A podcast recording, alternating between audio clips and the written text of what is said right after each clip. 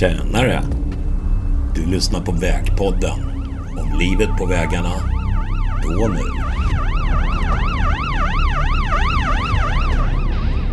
Med din värd, Vägas-Pelle. Varmt välkommen.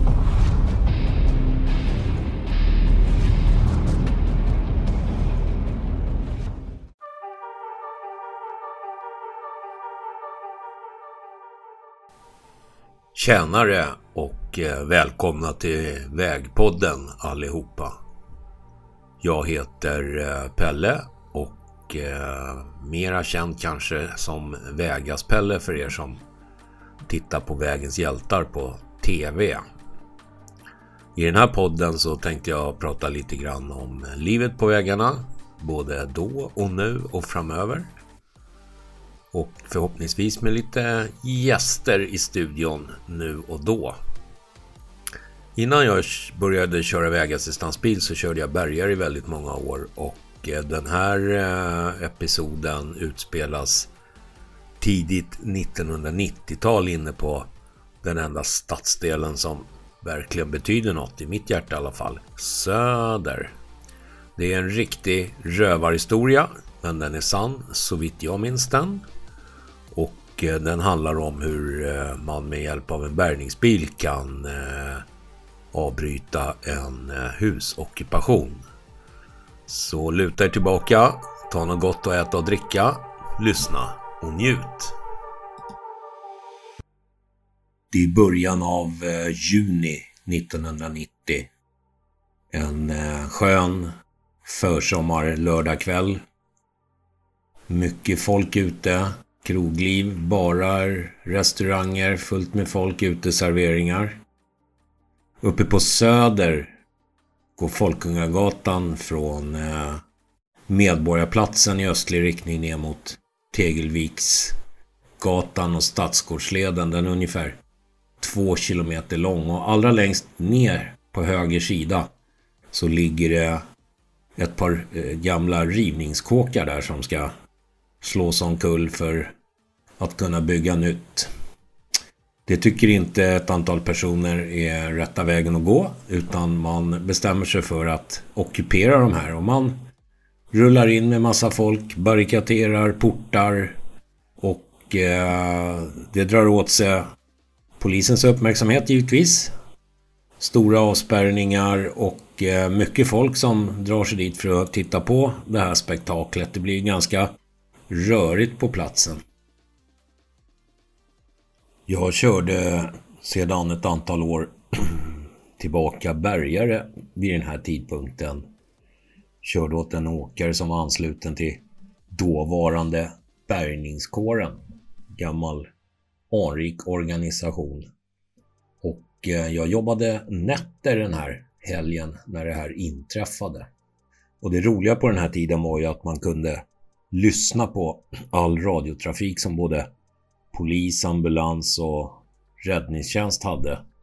Så att det var ju liksom halva grejen med att köra bergare tyckte jag då, att man kunde höra allt spännande som hände och förutom de eh, jobben som kom in från våran larmcentral så trålade man ju vilt på olyckor, biljakter. Man eh, hade fullt koll på vad som hände. Så att eh, jag hade ju hört att det här pågick nere vid eh, Folkungagatan, Londonviadukten. Och eh, egentligen var det så att man höll sig lite därifrån för att det var ju ganska stökigt i trafiken där. Den här kvällen. Eftersom jag är en eh, väldigt stor Stockholmsälskare så kommer det att åka in en och annan eh, geografilektion och bakgrundshistoria här, det får ni suga i er. Och Londonviadukten, ja, det namnet eh, kom till eh, då den eh, är en eh, förbindelse, vägförbindelse mellan Stadsgårdsleden och Tegelvikshamnen som är ett par hundra meter lång och back in the day så var det ju en viadukt med verkstäder och lagerlokaler under. Sen byggde man om och Eh, vid invigningen så ska det ha varit några kommunaltjänstemän från London närvarande och då föreslog man att det skulle heta Londonviadukten. Om ni undrar vad kopplingen till London är, det har jag själv undrat innan jag tog reda på det. Så ska det vara det här.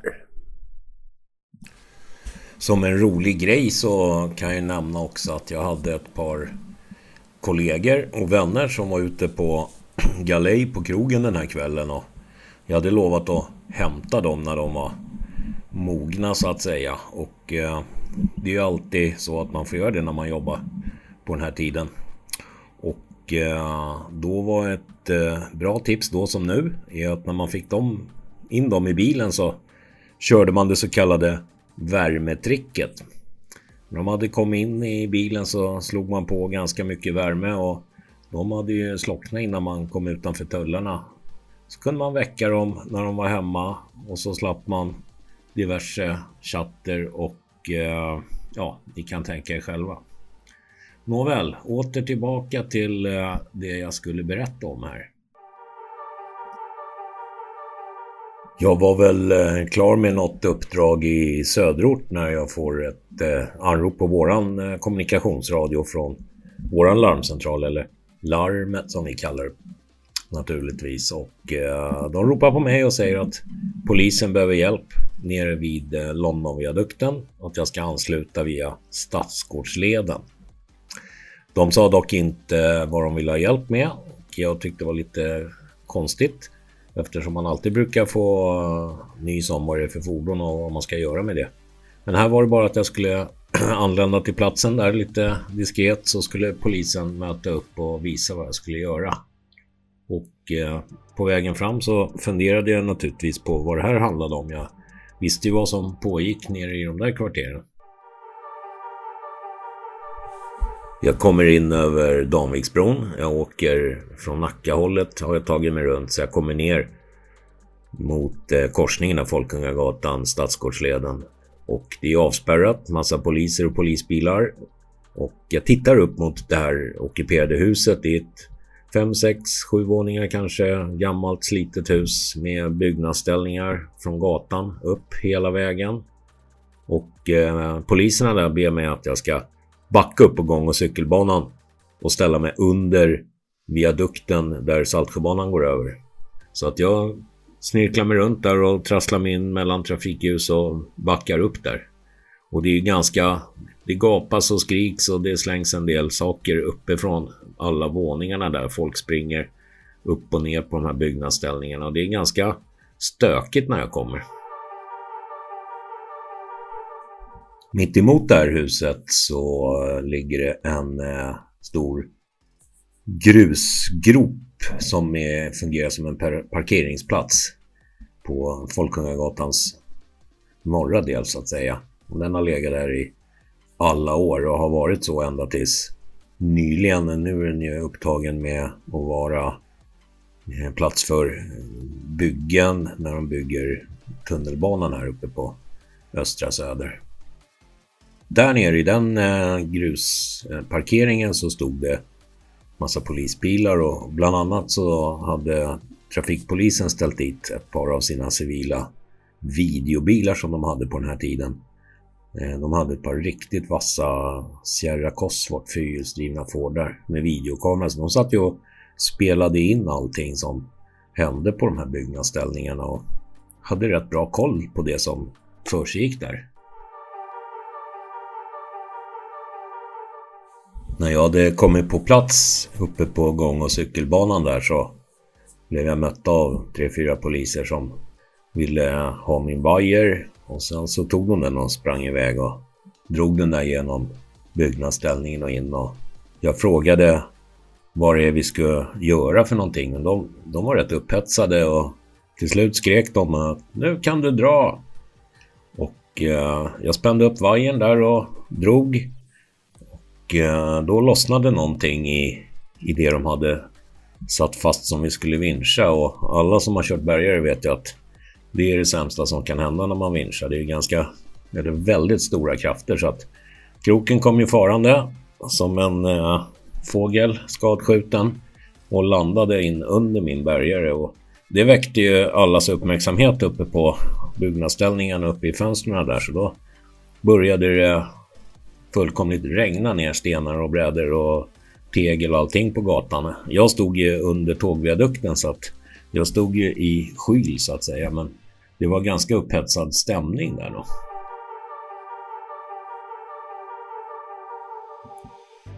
Då kommer det plötsligt upp ett antal poliser eh, på Folkungagatan uppifrån den här grusparkeringen och ställer sig och börjar avlossa tårgas Bumper upp mot huset.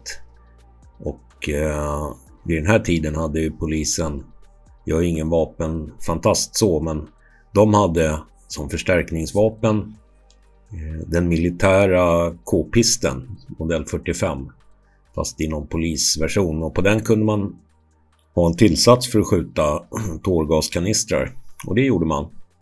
Och eh, de här gick ju inte spikrakt om man säger så. Utan de fladdrade lite som man släpper en uppblåst ballong och studsade lite hejvilt. Och en av de här tårgasbumperna den trillade ju naturligtvis ner och rullade in mellan stödbenen på min bärgare. Så att jag fick ju fly fältet där kan man säga tills det hade blåst bort. Eh, och det stack rätt mycket i näsa och ögon där ett tag. När det hade lugnat ner sig där lite grann så eh, fördelen med den där tårgasinsatsen var att det blev rent på folk uppe på byggnadsställningarna och poliserna hade eh, kopplat upp eh, min vajer lite mer ordentligt och de förklarade att jag skulle dra omkull hela den här byggnadsställningen så att inte folk skulle kunna röra sig upp och ner mellan våningarna ute på fasaden så att säga. Och det var ju kanske det absolut märkligaste uppdrag jag har haft någonsin. Men på deras order så började jag vinscha och vinscha och vinscha och till slut började det knaka och braka och sen kom ju 5, 6, 7 våningar byggnadsställning brakande rakt ner på Folkungagatan i ett dammmål med ja, ett fruktansvärt ljud. Det lät som en tågolycka ungefär. Eh, och det var ju eh, väldigt spektakulärt och det, det mest konstiga jag har gjort i hela mitt liv tror jag. Men det här äventyret slutar inte med det här. Under tiden som eh, jag drog omkull byggnadsställningarna så hade det anslutit två kollegor till mig och efteråt här så står vi och pratar med varandra och tittar på den här förödelsen som det faktiskt var tänker att det, det här händer inte. Och då kommer det fram ett antal eh, poliser och eh, frågar om någon av oss eh, kan köra grävmaskin. På tomten eh, bredvid det här ockuperade huset, en rivningstomt, står nämligen en riktig baddare till grävmaskin av den större modellen. Och eh, polisen vill använda den för att raka undan allt bråte som jag har dragit ner på Folkungagatan med den här byggnadsställningen och lite annat som åkte med ner i raset där. Och eh, samtidigt vill de trycka in porten. Den är barrikaderad inifrån med massa bråte och möbler och så att det går inte att få tillträde till huset den vägen. Och det är typ den enda vägen in så de vill, de vill ha rent där och en av mina kollegor som eh, hade kommit till platsen där, som för övrigt inte är tillfrågad om han vill vara med här. För, så jag väljer att kalla honom för Kalle. Han har förflutet i grävmaskinsbranschen och kört bland annat grävmaskinstrailer och han räckte upp handen och sa det fixar jag. Så de eh, knallade bort och skalade igång den där grävaren. Som eh, med så många andra fordon vid den här tiden så gick det väl förmodligen att starta den med en glasspinne eller liknande, vad vet jag. Vi klädde in eh, hytten på grävmaskinen med staket och stängsel och lite grejer som vi hittade på byggarbetsplatsen där som en liten skyddsbur. Eh, och sen ut på Folkungagatan, det bar med den där.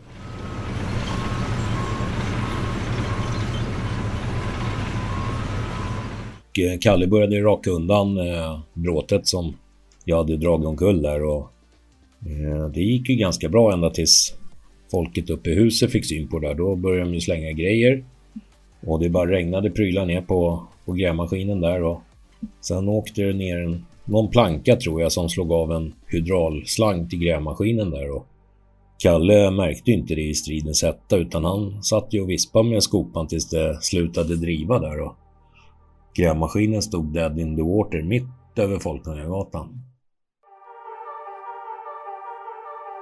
På andra sidan avspärrningarna uppe på Folkungagatan, eh, någonstans vid Erstagatan vill jag minnas att det var där, hade det samlats väldigt mycket folk som stod och tittade på det här. Men där nere där vi stod, där var det ganska tomt på folk. Så vi stod ju där och pratade och kollade läget och kom det fram någon polisbefäl där och undrade om vi hade några tips på hur man kunde komma in. Eh, operation med grävmaskinen den slutade liksom innan den var klar på grund av driftstörningar. Och eh, det vart inte rensat in i den här porten så det gick inte att gå in i huset. Och då kom en av mina kollegor på den briljanta idén. Han sa Ta hit en eh, kranbil med en 20 fots container så fyller ni den med poliser och lyfter upp den mot ett av fönstren där och kan de ju kasta mycket stenar de vill på den resan. Sagt och gjort och eh, jag tror att det var så de löste det här, att de fick in eh, poliser den vägen genom att lyfta upp dem i en container och gå in i huset den vägen och avsluta det här. Eh, men då var inte vi kvar utan vi hade gjort våran uppgift och åkte därifrån. Det här tog ju ett antal timmar av våran arbetstid den här kvällen och natten. Och jag åkte senare och hämtade upp mina vänner. Och vi hade ju lite att prata om innan de somnade på grund av värmetricket. Och eh, det var en... Eh, det här var en intensiv och, och intressant kväll som lämnade väldigt mycket intryck i mitt huvud när jag åkte hem efter det här passet som var Och sådär mina kära lyssnare, då har ni fått eh, lyssna på det första avsnittet i Vägpodden. Hoppas att ni tyckte det var intressant och lite kul att höra hur det kunde gå till i en bärgares liv. Back in the days i början på 90-talet. Och jag eh, hoppas att ni fortsätter att lyssna på podden här. Tills nästa gång det kommer ett avsnitt. Och jag tackar för tiden ni tog er att lyssna vi eh, ses på vägarna. Kör försiktigt. Ha det bra. Hej då! Du har lyssnat på Vägpodden av och med mig, Vägaspelle. Tack för att du lyssnade. Vi hörs i nästa avsnitt.